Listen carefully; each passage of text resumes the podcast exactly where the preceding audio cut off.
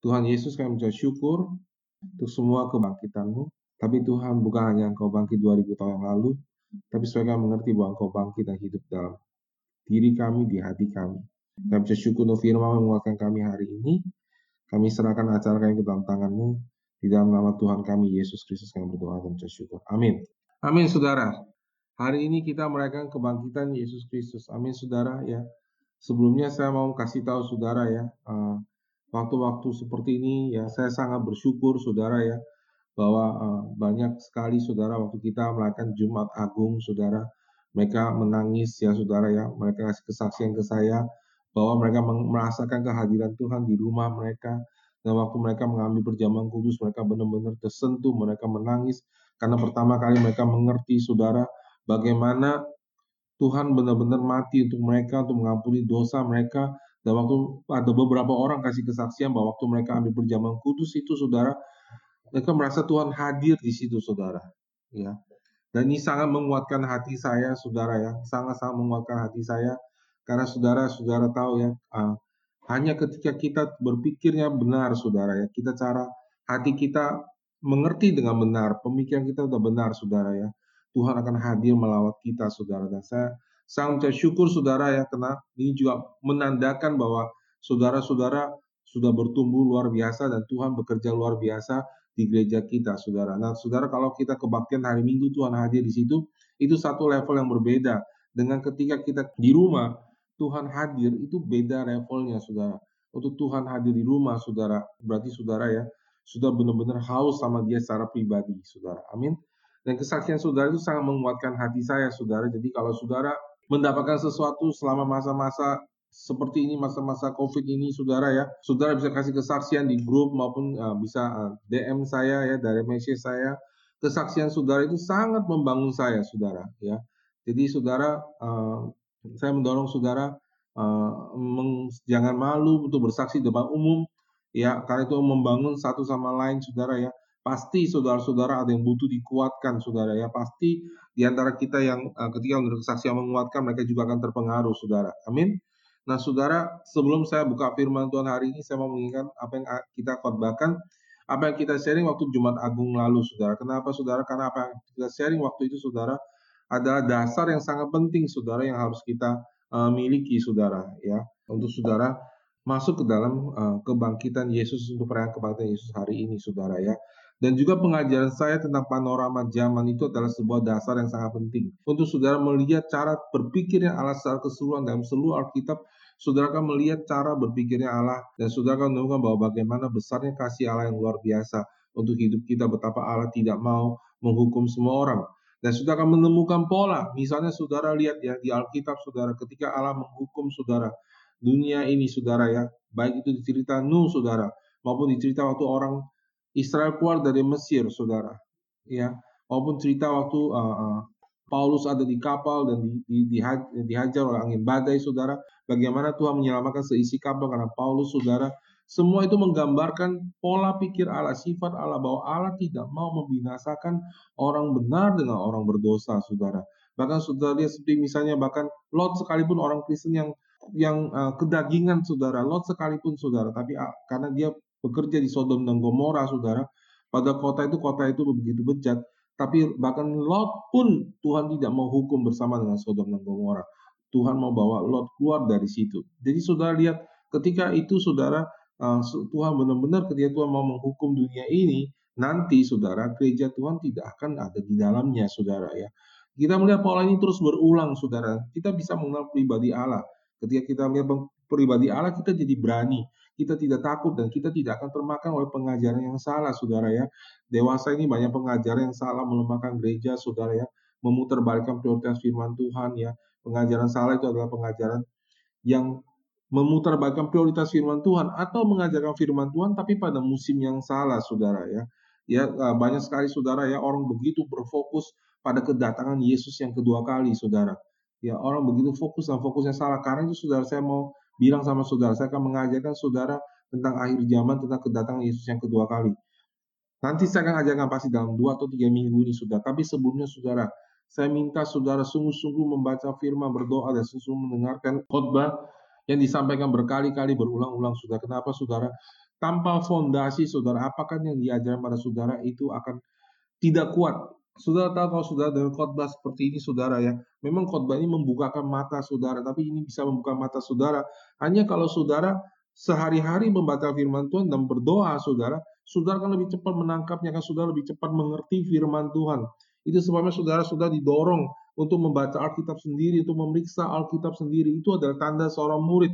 Saudara boleh cek apakah yang pastor ini mengajarkan itu benar atau tidak, saudara. Sudah tidak perlu sekolah teologi, tapi saudara perlu perlu hanya perlu membaca Alkitab dan percaya pekerjaan Roh Kudus. Tuhan akan bukakan saudara hal-hal yang baru, saudara. Ya, Bahkan sudah ketika saya ajarkan saudara, Roh Kudus akan bukakan hal-hal yang baru buat saudara, karena saudara sudah punya dasar firman sendiri di rumah. Jadi saudara Uh, penting sekali saudara buat jemaat kita, saudara. Setiap orang baca Alkitab, setiap orang mengerti firman Tuhan supaya kita jangan dibutakan. Ya, Contohnya saudara, sekarang banyak orang ngajarkan tentang akhir zaman, bagaimana Tuhan mau datang kembali, Tuhan mau mengangkat gerejanya segera, so kita harus siap-siap. Iya, itu benar, tapi itu setengah dari kebenaran saudara. Dunia sekarang sedang berteriak. Dunia ini sedang berteriak, menangis, menunggu kita memberitakan kabar keselamatan. Sementara kita sibuk mau pergi. Saudara bisa bayangin nggak, saudara? Betapa menangisnya hatinya Tuhan melihat mereka mati karena COVID ini, saudara. Dan mereka belum mengenal Tuhan Yesus dan mereka binasa selama-lamanya. Saudara pikir Tuhan marah? Saya mau kasih tahu saudara. Tuhan menangis, saudara, melihat orang terhilang. Dan Tuhan Tuhan tercengang-cengang melihat gerejanya berpangku tangan. Dan gerejanya seolah-olah menunggu Yesus datang kembali tanpa mengerjakan apa-apa. Kenapa, saudara? Karena pengertian firman Tuhannya itu salah, saudara. Jadi saudara hari ini saudara, mari kita buka hati kita, kita buka pikiran kita tuh mengerti firman Tuhan dengan benar. Amin saudara. Saudara masih ingat saudara saya ngajarkan tentang panorama zaman ya saudara ya. Saya mau uh, bukakan satu ayat sudah di Mazmur 115 ayat ke-16 dikatakan langit itu kepunyaan Tuhan dan bumi itu telah diberikannya kepada anak-anak manusia. Tuhan tidak mengambil kembali kuasa di bumi ini sampai pada kesudahannya nanti setelah Yesus datang kedua kali. Ya, setelah Yerusalem baru turun dari surga, kita hidup selama-lamanya bersama dengan Allah, bukan hanya secara roh tapi secara fisik, saudara. Ya. Tapi saudara, kita harus ingat soal panorama zaman bahwa Allah manusia kehilangan haknya. Manusia kehilangan segala-galanya, saudara, pada waktu Adam memakan buah pengetahuan baik dan jahat itu. Sudah bayangin saudara waktu Tuhan kasih Adam sebuah titah, sebuah perintah pada Adam. Adam, semua kamu atur semua taman ini. Kasih nama semua hewan-hewan di sini, saudara. Ya. Dan ketika saudara Tuhan kasih perintah itu, bagaimana Adam melakukannya? Dia belum punya traktor, nggak punya mesin, nggak punya apa pun juga, saudara. Bagaimana Adam bisa melakukannya? Saudara, Adam melakukannya dengan hikmat Allah dan dengan iman. Dengan kekuatan rohani dia bisa atur semua taman itu. Dia bisa perintahkan taman itu. Dia bisa perintahkan pada binatang itu datang atau pergi. Dia bisa perintahkan pada pohon ini, bisa pindah ke sana ke sini saudara. Ya, itu semua adalah kuasa yang Tuhan berikan dan Tuhan bermimpi, Tuhan punya keinginan saudara setiap manusia hidup dalam kuasa bersama-sama dengan Dia, hidup memerintah bersama dengan Dia. Ketika manusia jatuh ke dalam dosa, saudara, Semuanya itu ikut. Dunia ini ikut jatuh, saudara. Sistem dunia ini ikut jatuh. Penyakit mulai masuk, saudara. Ya, sampar mulai masuk. Binatang mulai mati. Tidak ada yang ingin mati, saudara. Tanah dikutukin. Ya, tanah mulai tidak menghasilkan, saudara. Wanita-wanita melahirkan mulai sakit, saudara. Ya, dan semua itu gara-gara pohon pengetahuan baik dan jahat. Dan sistem itu menghukum manusia. Dan Allah tidak bisa, sudah sudah tahu Allah itu kita sebut itu firman Allah. Artinya apa sudah Sebuah firman yang dikeluarkan oleh Allah tidak bisa dibatalkan. Bahwa semua orang berdosa harus dihukum. Amin, saudara. Nah, saudara, karena itu, saudara, Yesus harus datang mati. Kenapa, saudara? Karena firman Allah tidak bisa dibatalkan, melainkan harus digenapi sebelum keluar sebuah firman baru. Harus digenapi, saudara. Jadi, saudara, Yesus mati buat dosa kita, saudara, supaya perintah baru bisa datang. Nah, Yesus kembali memberikan kuasa itu kepada kita, saudara. Saat ini gereja yang memegang kuasa pemerintahan di atmosfer, di udara, saudara. Dan tapi saudara, apakah gereja tahu bahwa gereja memiliki kuasa ini? Seringkali kita tidak tahu, saudara. Kenapa saudara? Karena iblis mau kita sibuk dengan hal-hal dunia ini. Sibuk dengan segala macam perdebatan yang tidak menghasilkan buah.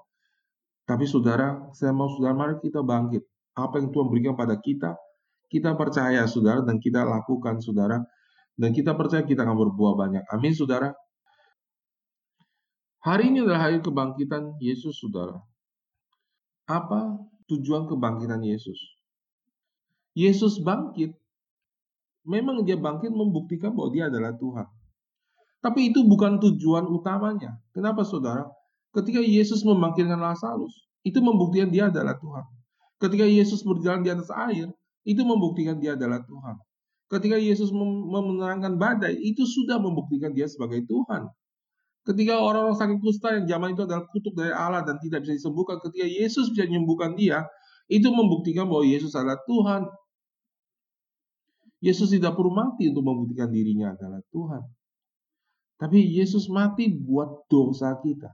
Dan dia bangkit saudara, bukan untuk membuktikan dia sebagai Tuhan, tujuan utamanya saudara, memang kebangkitannya membuktikan dia adalah Tuhan, tapi tujuan utamanya saudara, kebangkitannya menunjukkan bahwa persembahan dosa karena kita sudah diterima oleh Allah dan bahwa dosa kita sudah diampuni dan bahwa hidup kita sudah dibenarkan. Saudara, kita lihat di Roma 4 ayat 23. Saudara ambil catatan, saudara catat dan sudah dengar dan sudah nanti bisa baca ayatnya. Roma 4 ayat 23. Kata-kata ini yaitu hal ini diperhitungkan kepadanya tidak ditulis untuk Abraham saja. Tetapi ditulis juga untuk kita.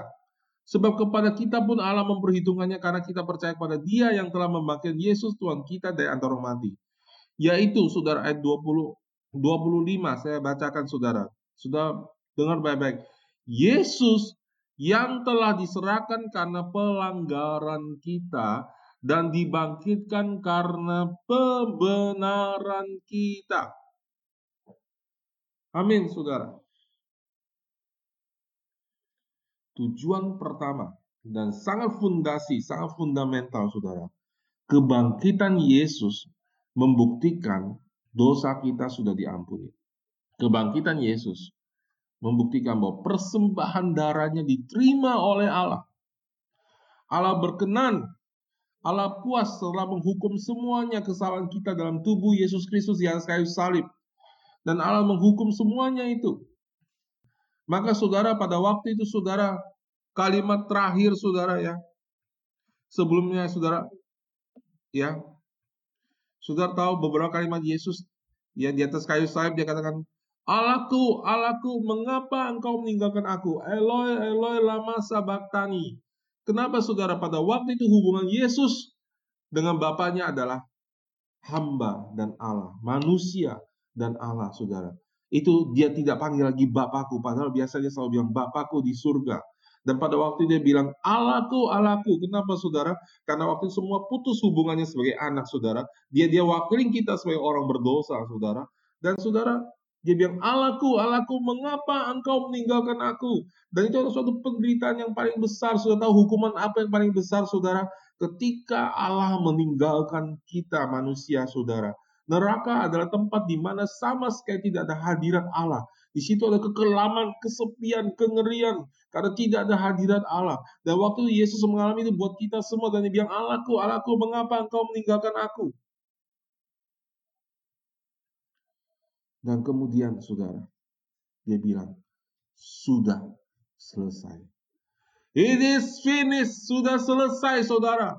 Semua yang kita butuhkan untuk pengampunan dosa kita, semua dosa kita, it is finished, selesai. Dihakimi di atas kayu salib. It's done. Tidak ada yang satu pun yang sudah bisa lakukan untuk mengurangi ataupun melambahi apa yang telah Yesus lakukan. Karena Yesus lakukan untuk kita sudah sempurna. Saudara tidak bisa dan tidak mungkin melakukan apa pun untuk pengampunan dosamu. Kecuali percaya kepada apa yang Yesus lakukan buat saudara. It's finished. Sudah selesai. Dan kalimat yang terakhir yang Yesus ucapkan. Bapa, ke tanganmu kuserahkan rohku. Dia kembali mengambil Bapa. Tadi dia bilang Tuhan, sekarang dia kembali manggil Bapak. Apa artinya, saudara? Artinya, selesai sudah. Dia kembali diterima sebagai anak. Semua karya pengampunan dosa, semua dosa kita selesai sudah di atas kayu salib. Dan saudara dan saya sekarang dijamin. Saudara dan saya bukan hanya di bukan hanya diampuni saudara. Kristen bilang kita menjadi anak, kita dilahirkan kembali, kita diciptakan ulang, kita adalah ciptaan baru. Bukan hanya diampuni, tapi dirubah. Kita lahir kembali, kita punya roh yang baru, roh yang hidup sesuai dengan hukum-hukum Allah. Mau taat kepada Allah di dalam hati dan saudara tahu kalau hati kita sudah taat pada Allah, kalau sesuatu hukum tertulis di dalam hati itu bukan hukum lagi saudara. Itu adalah kerinduan. Amin saudara. Sudah selesai. Kita sudah dibenarkan. Nah saudara, tujuan Yesus bangkit yang pertama dan paling fondasi dan paling penting adalah untuk membenarkan kita. Ya. Roma 5 ayat 17 dikatakan begini. Sebab jika oleh dosa satu orang mau telah berkuasa oleh satu orang itu, maka akan lebih benar lagi mereka yang telah menerima kelimpahan kasih karunia dan anugerah kebenaran akan hidup dan berkuasa karena satu orang itu yaitu Yesus Kristus. Saudara saya tuh dulu berpikir saudara kok satu orang berbuat dosa semua orang kena ya gitu. Ya sedih amat gitu saudara, susah banget saudara. Terus saya sekarang ngerti, saudara, sebenarnya Allah itu melakukan merancang itu untuk anugerah, saudara. Kenapa saudara? Allah cuma ingin Adam satu orang berbuat benar. Dan kalau satu orang berbuat benar, semua orang akan menjadi jadi orang benar, saudara. Semua orang, saudara. Dan sekarang, saudara, kebenaran itu dinyatakan oleh Yesus Kristus. Bahwa Allah cuma butuh satu orang berbuat benar. Yesus Kristus yang mati buat dosa kita. Dan karena satu orang benar, ya Roma 5, 18, sebab itu sama seperti satu pelanggaran semua orang beroleh penghukuman. Demikian juga oleh satu berbuat kebenaran. Semua orang beroleh pembenaran untuk hidup. Saudara, dengar saudara. Saudara dan saya hari ini bisa berdiri di sini. Bisa mendengar firman. Saudara bisa hidup sebagai orang benar. Bukan karena apa yang kita perbuat. Tapi karena apa yang Yesus perbuat. Amin saudara. Jadi saudara, yang pertama tujuan Yesus mati buat kita, bangkit dari orang mati adalah untuk membenarkan kita. Nah ini sangat-sangat penting saudara. Sebelum kita masuk kepada tujuan yang lain ini sangat-sangat penting. Saya mau buka saudara dalam Ibrani 10. Ya. Ibrani 10 ayat pertama saudara. Saya bacakan buat saudara. Di dalam hukum Taurat hanya terdapat bayangan dari keselamatan yang akan datang dan bukan hakikat dari keselamatan itu sendiri. Karena dengan korban yang sama yang setiap tahun terus-menerus dipersembahkan, hukum Taurat tidak mungkin menyempurnakan mereka yang datang mengambil bagian di dalamnya. Sebab jika itu mungkin, pasti orang tidak mempersembahkan korban lagi Sebab mereka melakukan ibadah itu tidak sadar lagi akan dosa setelah disucikan sekali untuk selama-lamanya. Tetapi justru oleh korban-korban itu setiap tahun orang diperingatkan akan adanya dosa. Sebab tidak mungkin darah lembu jantan atau darah domba jantan menghapuskan dosa. Karena itu ketika ia masuk ke dunia ia berkata, korban persembahan, korban dan persembahan tidak engkau kendaki. Tapi engkau telah menyediakan tubuh bagiku kepada korban bakaran dan korban menghapus dosa. Engkau tidak berkenan. Lalu aku berkata, sungguh aku datang. Dalam gulungan kitab ada tulis tentang aku, melakukan untuk melakukan kehendakmu, ya Allahku. Di atas dia berkata korban persembahan dan korban bakaran dan korban menghapus dosa tidak Allah kendaki.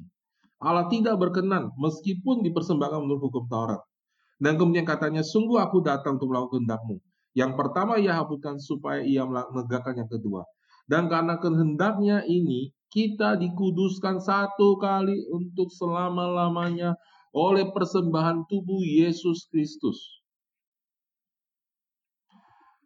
Ayat ke-12. Tetapi setelah tetapi ia setelah mempersembahkan hanya satu korban saja karena dosa, ia duduk untuk selama-lamanya di sebelah kanan Allah Dan sekarang dia hanya menantikan saatnya di mana musuh-musuhnya men menjadi tumpuan kakinya. Oleh satu korban saja ia telah menyempurnakan selama-lamanya mereka yang ia kuduskan. Amin, saudara. Satu kali untuk selamanya. Semua dosa kita, kemarin, hari ini, dan seterusnya. Kenapa saudara? Selama kita terus-menerus menyadari kita sebagai orang berdosa, kita tidak mungkin bisa maju dengan Tuhan, saudara. Ya, setiap hari kalau kita hanya kerjanya mengaku dosa kita, saudara, kita akan terus pikir Allah berkenan nggak sama kita. Kita tidak bisa dituntun oleh Roh Kudus, saudara. Karena itu Roma 8 yang pertama sekarang tidak ada penghukuman lagi bagi mereka yang ada dalam Kristus Yesus, saudara. Ya, ini juga dengan jelas saudara dikatakan saudara di dalam Kolose 2 ayat 13 sampai 16. Sekarang kamu meskipun dulu mati oleh pelanggaranmu, karena tidak disunat secara harian, telah dihidupkan Allah bersama-sama dengan dia. Setelah ia mengampuni segala pelanggaran kita, dengan menghapuskan surat hutang yang oleh ketentuan ketentuan hukum mendakwa dan mengancam dan itu ditiadakannya dengan memakukannya di atas kayu salib. Ia telah melucuti pemerintah dan penguasa dan menjadikan tontonan umum atas kemenangannya atas atas mereka, saudara. Ya di situ masuk pemerintah dan penguasa itu adalah penguasa udara. Roh jahat di udara, saudara. Allah melucuti mereka. Bagaimana cara Allah melucuti mereka? Dengan mengambil semua senjata mereka. Apa senjata mereka? Dengan menghapuskan surat hutang yang oleh ketentuan hukum yang mendakwa kita. Bagaimana menghapuskan surat hutang kita? Saudara, pertama, dia bayar semua dosa kita. Yang kedua, dia membatalkan semua yang tertulis di dalam hukum Taurat untuk orang-orang percaya. Dia menebus kita dan kali ini sudah selesai dan kita sekarang hidup karena roh bukan dipimpin oleh karena hukum. Jadi saudara begitu sudah jadi orang benar, tujuan kedua saudara adalah saudara bisa hidup secara roh, saudara bisa aman saudara. Karena kalau saudara hati nurani saudara terus setiap hari pikir saya orang berdosa, saya orang orang benar saudara terus berpikir seperti itu saudara, saudara akan bingung dan saudara tidak pernah menginjil. Kenapa saudara? Karena setiap hari saudara sibuk mempersembahkan dosa karena diri saudara sendiri. Tapi sekarang Alkitab bilang Allah bilang tidak ada lagi korban untuk dosa. Karena itu semua telah dilakukan untuk Yesus untuk selama-lamanya, sekali untuk selama-lamanya. Dan kita saudara bukan hanya diampuni dosanya orang Kristus bertanya terus gimana dong nanti kalau dia berbuat dosa lagi. Hei saudara kita berbeda saudara. Kita bukan hanya diampuni dosanya, kita itu pindah status. Pindah menjadi ciptaan baru. Barang siapa dalam Kristus ya ciptaan yang baru, yang lama sudah berlalu, yang baru telah tiba. Mengapa orang Kristen hidupnya kekalahan? Karena mereka tidak tahu bahwa dosa diampuni sekali untuk selama-lamanya dan mereka terus-menerus memikir bahwa mereka adalah manusia lama yang diperbaharui. Ya, pikiran kita adalah manusia lama yang diperbarui, tetapi roh kita adalah manusia baru. Roh kita adalah ada ciptaan baru dan roh kita untuk selama-lamanya berdiri di hadapan Allah sebagai orang yang benar, sebagai orang telah dibenarkan oleh darah Yesus dan untuk selama-lamanya doa kita didengar oleh Tuhan. Amin, saudara. Sekarang, saudara, setelah kita dibenarkan, kita punya keberanian. Yang kedua tujuannya, yang tujuan pertama saudara harus tahu sudah dibenarkan. Pak, apakah setiap hari saya masih bikin dosa gimana? Saudara, saya ajarin saudara. Semua kita ini sedang diperbaharui. Alkitab mengatakan apa, saudara? Dengan mata memandang kepada Yesus. Bukan memandang kepada diri kita sendiri. Kalau setiap hari kita memandang diri kita sendiri, kita terus lihat kelemahan kita yang sedang diperbarui oleh Allah, kita melihat kekurangan kita, saudara, kita justru akan jatuh. Jangan mengalahkan dosa, saudara. Jangan melawan dosa dengan mengatakan saya tidak bisa berbuat dosa, saya tidak mau berbuat dosa.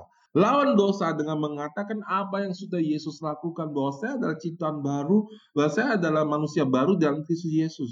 Jangan melawan dosa dengan melihat daging saudara, Lawan dosa dengan melihat roh saudara dan berjalan menurut tuntunan roh saudara. Dan saudara jangan setiap hari sadar bisa bikin dosa apa. Jangan. Jangan acukan itu saudara, tapi saudara kalaupun sudah benar-benar harus dirubah, Tuhan akan bicara sama saudara. Roh Tuhan akan bicara sama saudara. Dan kalaupun saudara bertobat, kata bertobat adalah metanoia, memperbarui pikiran. Apa bedanya orang Kristen yang sudah lahir baru dan orang Kristen yang belum lahir baru? Orang Kristen yang belum lahir baru mereka harus bertobat untuk dosa keselamatan mereka. Untuk dosa kebinasan kekal supaya mereka dapatkan keselamatan. Tapi kalau saudara, saya tanya saudara, sekarang misalnya punya anak saudara. Justin misalnya. Sejak hari Justin lahir, dia sudah jadi anak saya.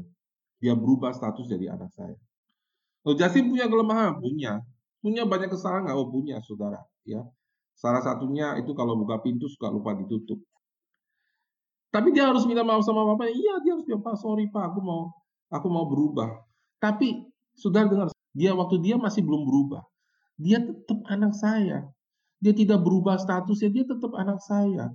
Ketika dia bilang, Pak, aku sorry, sorry, dia sorry, sorry. Untuk apa, saudara? Untuk pertumbuhan rohaninya. Jadi, saudara, bukan untuk merubah status, saudara.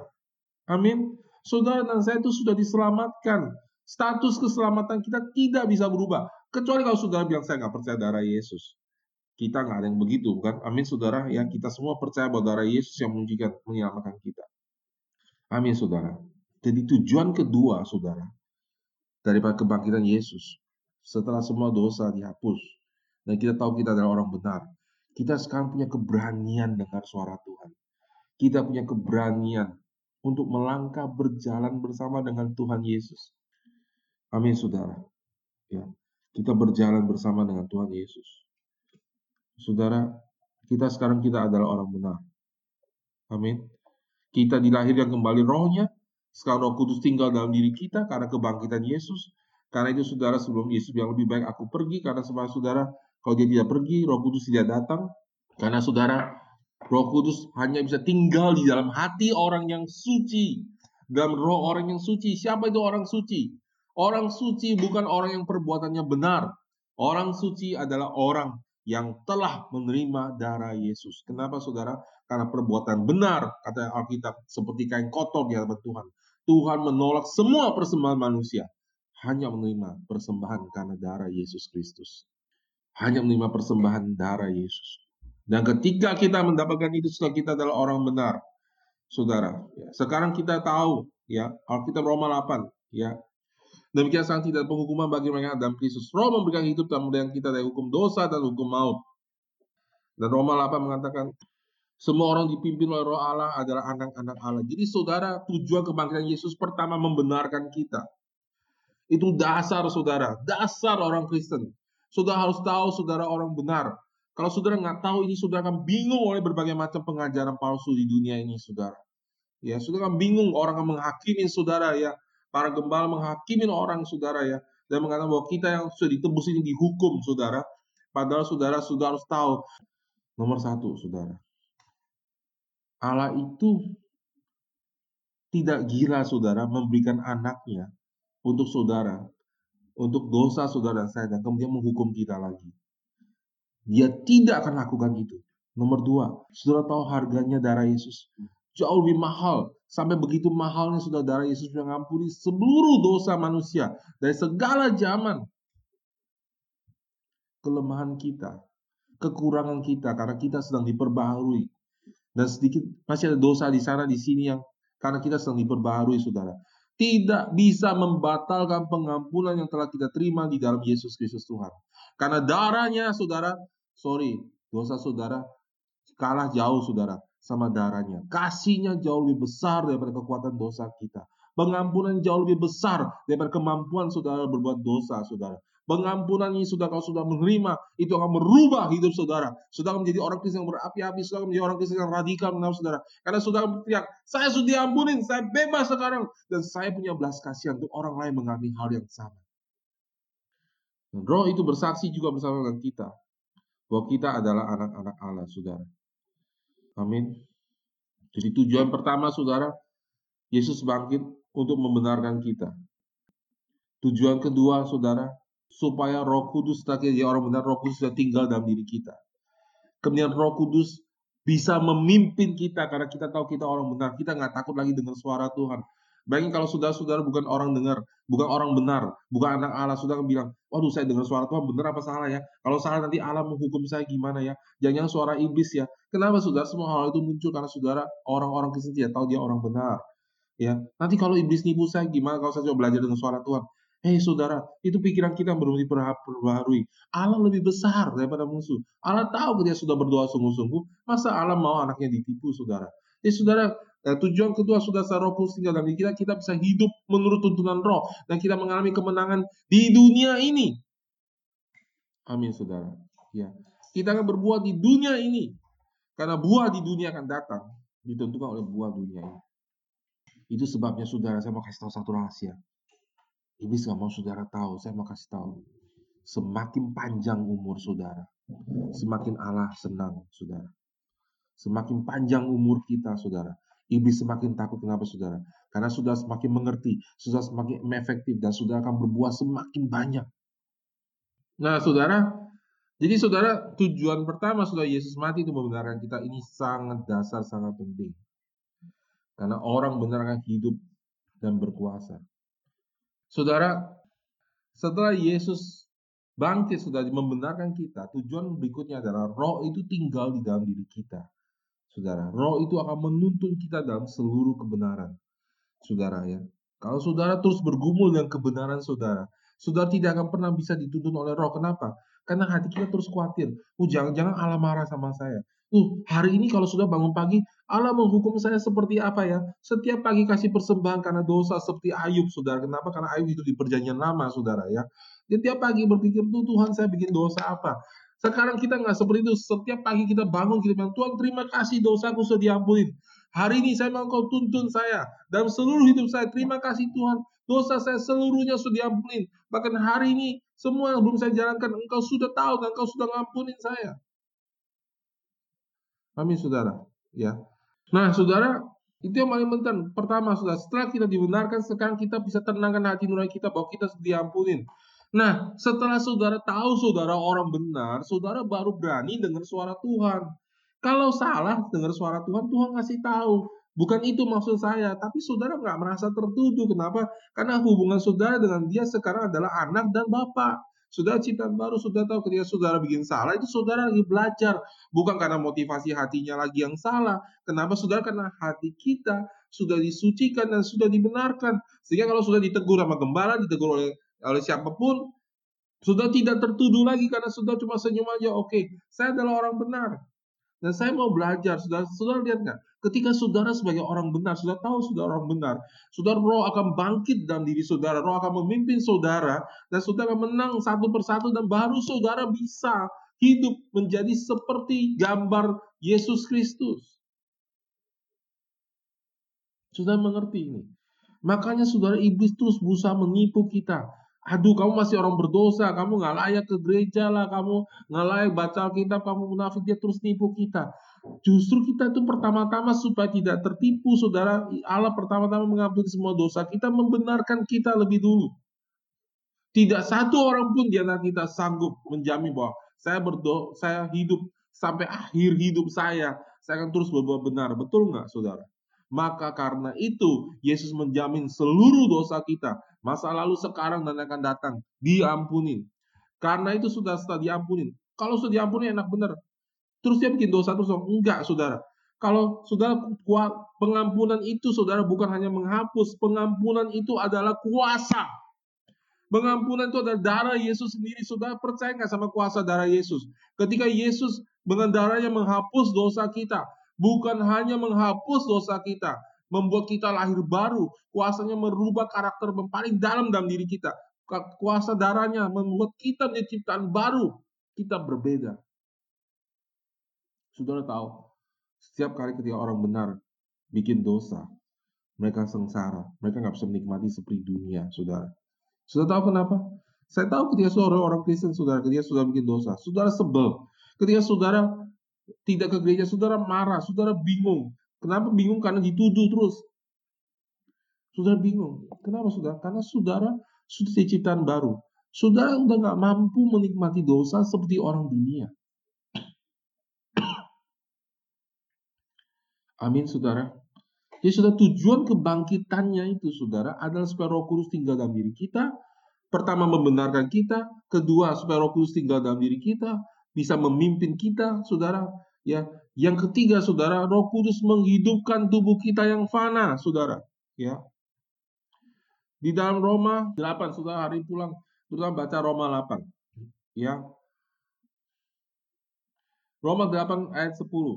Tetapi Kristus ada dalam, tetapi jika Kristus ada di dalam kamu, maka tubuh memang mati karena dosa. Ini maksudnya apa, saudara? Maksudnya walaupun Kristus tinggal dalam diri kita, saudara, kita tubuh kita masih mati, tapi cuma mati tubuhnya saja, saudara. Tidak jiwa, tidak roh, saudara.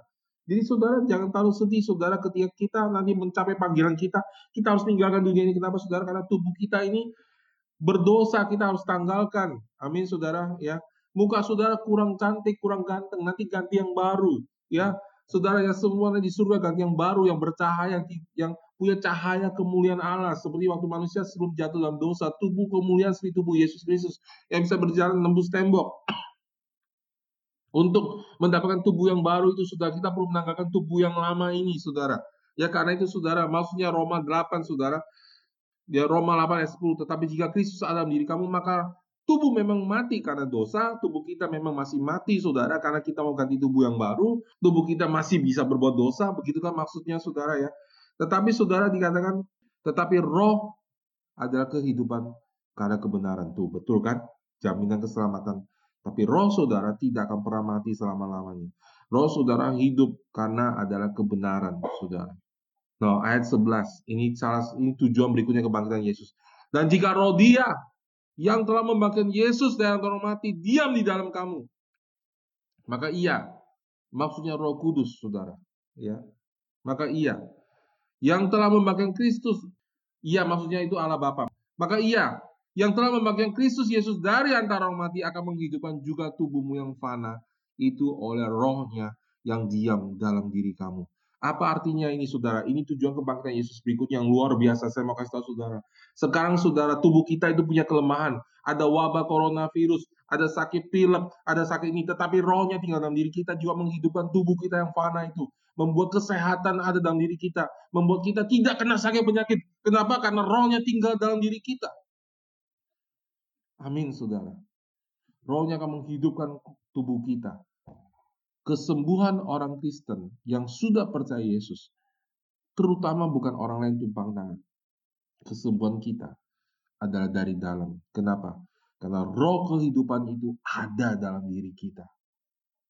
Membangkitkan tubuh kita. Menghidupkan kita. Jadi saudara, kita beriman bersama-sama. Sampai masa tua, dia Allah tetap dia Allah tetap menggendong kita. Amin saudara. Sampai masa tua, seperti Kaleb saudara, sampai masa tua, sampai detik nafas terakhir, engkau harus mati memuliakan Allah. Saya mau kasih tahu saudara, mati karena coronavirus tidak memuliakan Allah, saudara. Ia memang tetap masuk ke surga, tapi tidak memuliakan Allah, saudara. Amin, saudara. Sampai detik terakhir, nafas terakhir, saudara, itu diberikan hidup kita untuk menyembah Allah, untuk melayani Dia. Dan kemudian kita pulang ke surga dengan sukacita, saudara. Amin saudara. Itulah pengharapan yang luar biasa dalam Kristus Yesus Tuhan saudara. Amin. Ya. Dan sebab itu Roma 8 ayat 15. Kamu tidak menerima roh perbudakan buat kamu takut lagi. Tapi kamu menerima roh yang menjadi kamu anak Allah. Oleh roh itu kita berseru, Ya Aba, Ya Bapak. Ayat ke-16. Roh itu bersaksi dengan roh kita. Bahwa kita adalah anak-anak Allah. Kebangkitan kita membawa roh kudus bersaksi dalam hati kita terus-menerus bersaksi dalam hati kita bahwa kita ini anak, bukan budak. Waktu kita melayani di gereja, saudara, kalau kita Allah mengajarkan kita, firman Tuhan mengajarkan kita, kita harus saling merendahkan diri, kita melayani satu sama lain sebagai hamba. Kenapa saudara? Karena Tuhan mau kita ini mempunyai karakter seorang pelayan. Tetapi saudara ketika kita berdoa, ketika kita berperang, ketika kita mengusir setan, kita berdiri sebagai anak Allah. Setiap orang kita berdiri sebagai anak Allah, sebagai orang yang sudah dibenarkan oleh darah Yesus. Amin, saudara. Dan kita memerintah bersama dengan Yesus. Kita berhak menerima janji-janji. Dan ayat 17, dan jika kita adalah anak, maka kita juga adalah ahli waris. Maksudnya, kita orang yang berhak menerima janji-janji Allah. Kita akan menerimanya bersama-sama dengan Yesus Kristus. Bersama dengan Kristus. Itu jika kita menderita bersama-sama dengan dia, supaya juga kita dipermuliakan bersama-sama dengan dia. Saudara, semakin hari, saudara semakin, apa sih menderita bersama dengan dia? Kalau saudara hidup kudus, dunia akan mencemooh saudara. Kalau saudara hidup benar, dunia akan mencemooh saudara. Tapi saudara, saudara akan semakin mengerti kuasa salib itu. Saudara semakin hidup, pewahyuannya semakin dapat, saudara. Itu maksudnya ayat itu, saudara. Amin. Ya. Jadi itu saudara tujuan kebangkitan Yesus. Kita memiliki kuasa dalam kehidupan ini. Amin, saudara. Kita akan berjalan dalam kemenangan. Kita berjalan dalam kuasa kebangkitan. Apa itu maksudnya? Berjalan dalam kuasa kebangkitan. Setiap hari sudah semakin segar, pikiran sudah semakin diperbarui, sudah semakin kuat, sudah punya semakin punya pengharapan dalam Kristus Yesus. Ya, setiap hari saudara, sudah akan makin kuat tubuh saudara. Amin saudara. Kita mau sampai masa tua kita melainin. Dan sampai suatu ketika saudara ketika dunia kena wabah, kita gereja Tuhan tidak kena wabah. Kenapa saudara? Karena Allah harus bikin pembedaan supaya dunia lihat terang. Terang dan gelap itu harus berbeda, saudara. Karena itu saudara kita harus berjalan dengan kuasa kebangkitan. Setiap hari saudara. Nah saudara, bagaimana caranya sekarang kita berjalan dalam kuasa kebangkitan. Saudara, kita tidak mau hari ini kita semangat, besok kita loyo, hari ini lusa kita semangat lagi, besok loyo lagi, saudara ya. Tapi kita mau terus bertumbuh maju ke depan. Oke. Okay? Nah, bagaimana kita bisa berhidup dalam kuasa kebangkitan sehari? Pertama, saudara saya mau dengan kasih tahu saudara, ya. Ini saya mau sampaikan yang penting, saudara. Buang khotbah-khotbah yang salah, khotbah-khotbah penghakiman, khotbah-khotbah yang membuat saudara merasa tertuduh. Saudara, gampang kok saudara, sudah tahu apa khotbah saya ini berasal dari Tuhan atau tidak, saudara. Yesus bilang dari buahnya kamu tahu pohonnya. Sekarang kalau saudara dari khotbah seperti ini, apa saudara langsung keluar bilang gini, Yeay, gua sekarang mau bikin dosa. Sepuas gua. Nah, itu berarti khotbahnya salah. Tapi kalau sudah sekarang dengar khotbah yang oh Jesus, aku mencintai engkau. Aku bebas dari rasa tertuduh sekarang. Tiba-tiba mata rohaniku terbuka, aku mengerti aku adalah anak Allah, aku adalah orang benar. Itu buktinya khotbah itu dari firman dari Tuhan. Khotbah itu diurapi oleh Roh Kudus. Jadi khotbah yang benar selalu membuat saudara semakin mencintai Yesus, semakin berani dan tidak ketakutan. Khotbah yang salah, nubuatan yang salah selalu mendatangkan ketakutan. Karena Yesus bilang sama kita, begitu dia bangkit dari orang mati, jangan takut. Saudara bisa nilai, saudara. Saya selalu suruh-suruh, saya dulu, saya selalu bilang, saudara, ya saudara pertama di gereja kita, saudara baca Alkitab sendiri. Jangan percaya apa yang gembala katakan begitu saja kalau sudah belum baca Alkitab. Kedua, saudara harus berdoa setiap hari. Kenapa? Supaya sudah mengalami roh kudus. Supaya roh kudus semakin kuat dalam diri saudara. Bekerjanya. Nah, sehingga saudara ketika roh kudus bekerja semakin kuat. Saudara tahu yang pasien khotbahkan itu benar atau salah. Saudara akan merasakan, kalau sudah pun nggak mengerti sekarang, saudara merasakan hati saudara apakah terbakar, apakah punya damai sejahtera, sukacita, atau sebaliknya takut, siap-siap gitu ya, ngumpuk makanan gitu ya, karena akhir zaman mau datang ya, uh, uh, tanam sayur, sudah bisa merasakan perbedaannya, saudara. Ya, kalau saudara dapat khotbah yang benar, saudara punya belas kasihan sekarang punya keberanian dan belas kasihan itu cirinya, saudara. Keberanian untuk bilang Injil, belas kasihan untuk orang terhilang. Dan saudara semakin jatuh cinta sama Yesus, dan saudara semakin berani berdoa sama dia, sudah semakin siap merenungkan firman Tuhan, itu buahnya, saudara. Jadi saya, pertama bagaimana supaya saya bisa berjalan dalam kuasa kebangkitan. Pertama, buang semua korban dan nubuatan yang salah yang membuat saudara merasa takut, yang membuat merasa saudara bingung. Sudah jangan dengarkan itu, dengarkan apa yang benar. Nanti sudah akan bertemu sudah bisa tahu, saudara. Ya. Kedua, saudara, renungkan firman Tuhan. Amin, saudara. Ya, Firman yang saya khotbahkan ini saudara akan jauh-jauh lebih membantu saudara ketika saudara baca Alkitab, saudara renungkan firman Tuhan dan saudara juga berdoa setiap hari. Kenapa saudara? Karena saudara bekerja sama dengan saya. Kita sama-sama bekerja sama dengan saya dan kita bekerja sama dengan Roh Kudus saudara supaya Roh Pewahyu itu bekerja dalam hidup kita. Dengan kita membaca Alkitab setiap hari, berdoa setiap hari, kapasitas kita semakin besar. Dan kita juga akan semakin tahu apa isi khotbahnya, pastor. Atau khotbah orang lain, benar atau salah, saudara. Sudah menjadi peka, saudara. Renungkan firman Tuhan setiap hari. Supaya sudah tidak tertipu oleh iblis. Baca firman Tuhan setiap hari. Dengar khotbah yang membangun saudara berulang-ulang. Jangan malas saudara ini waktunya. Saudara saya sangat bersuka cita saat ini. Tiba-tiba saudara orang-orang yang tadinya saudara tidak bertumbuh banyak banget yang bertumbuh dan saya juga tahu saudara banyak orang tadinya saudara ya sempat tidak ke gereja karena tertuduh sekarang balik saudara dan dia punya kesempatan. Saya bersyukur saudara ya. Alkitab bersyukur dalam segala sesuatu, bukan bersyukur untuk segala sesuatu karena tidak segala sesuatu dari Allah, tapi Allah bekerja dalam segala sesuatu tentang kebaikan. For virus corona ini bukan dari Allah. Saya tidak bersyukur untuk virus corona ini.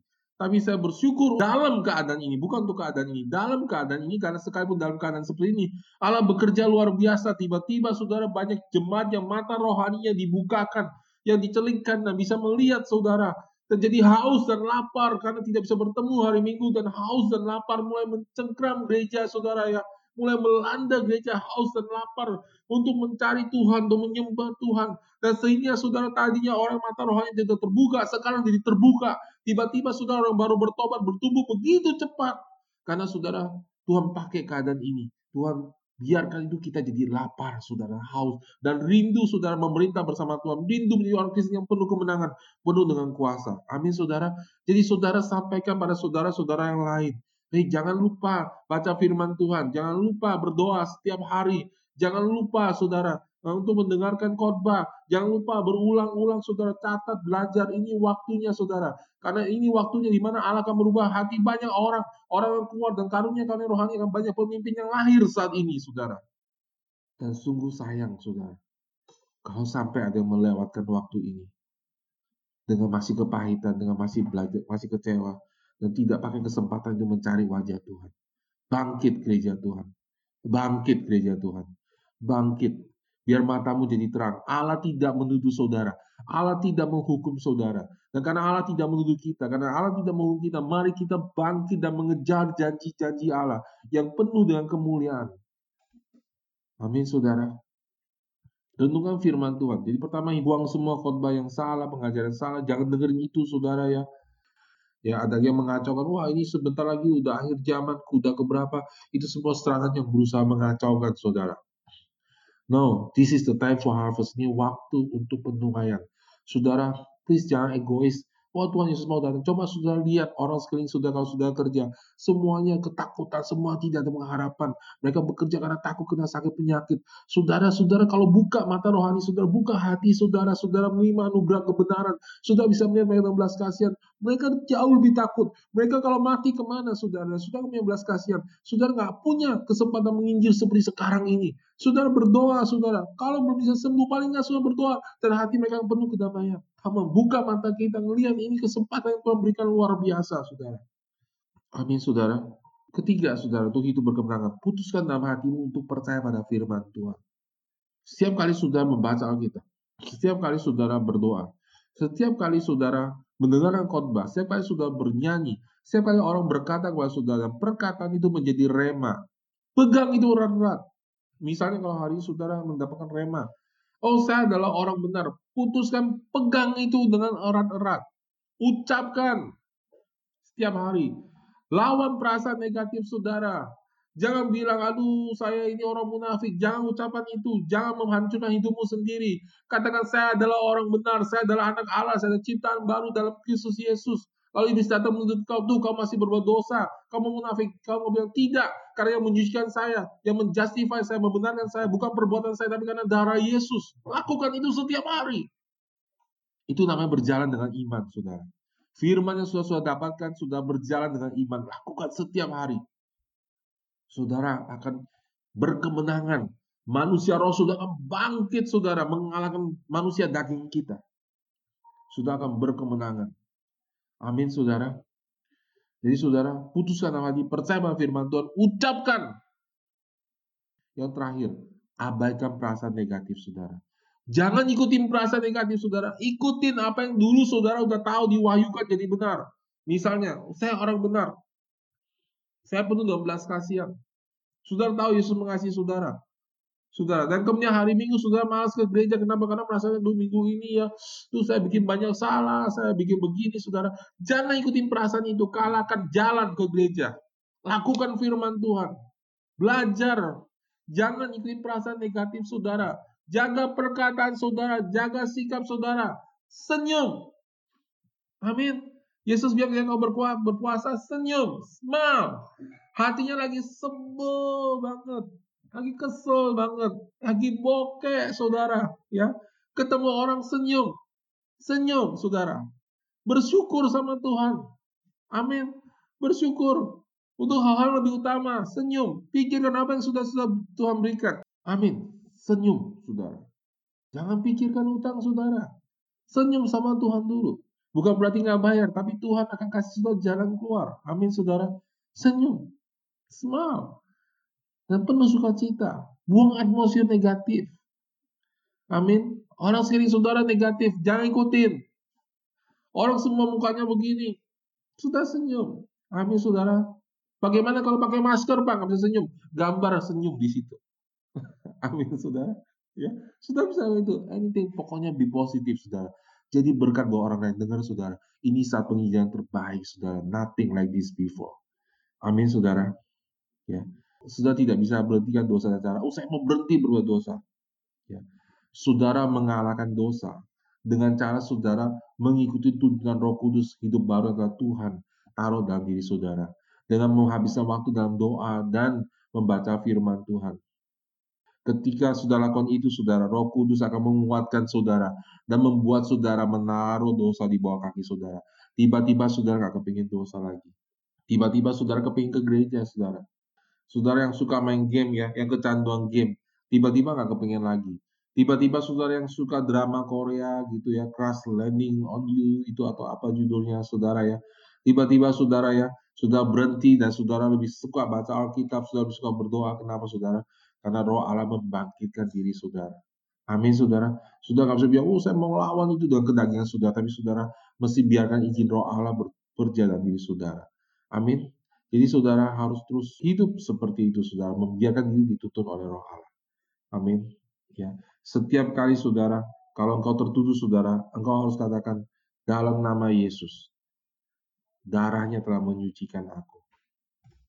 Amin saudara. Dan begitu sudah jangan hidup lagi menurut perasaan negatif saudara. Belajar saudara, kalahkan perasaan saudara. Perasaan malas berdoa, perasaan malas uh, baca Alkitab, perasaan malas menyembah, perasaan malas datang ke gereja saudara ya. Kalahkan perasaan itu begitu saudara tahu kebenaran firman Tuhan, kalahkan perasaan itu jangan ikuti perasaan itu saudara. Amin. Serasanya malas mengampuni orang, susah mengampuni orang. Hei, engkau ada ciptaan yang baru. Kukuringkan kata Yesus. Ya, kalau kau tahu kebenaran, kebenarannya akan memegang kau. Amin, saudara. Amin. Itulah tujuan dari kebangkitan Yesus. Amin. Memberikan kita kuasa untuk mengalami kemenangan. Amin, saudara. Sudah diberkati, saudara. Amin.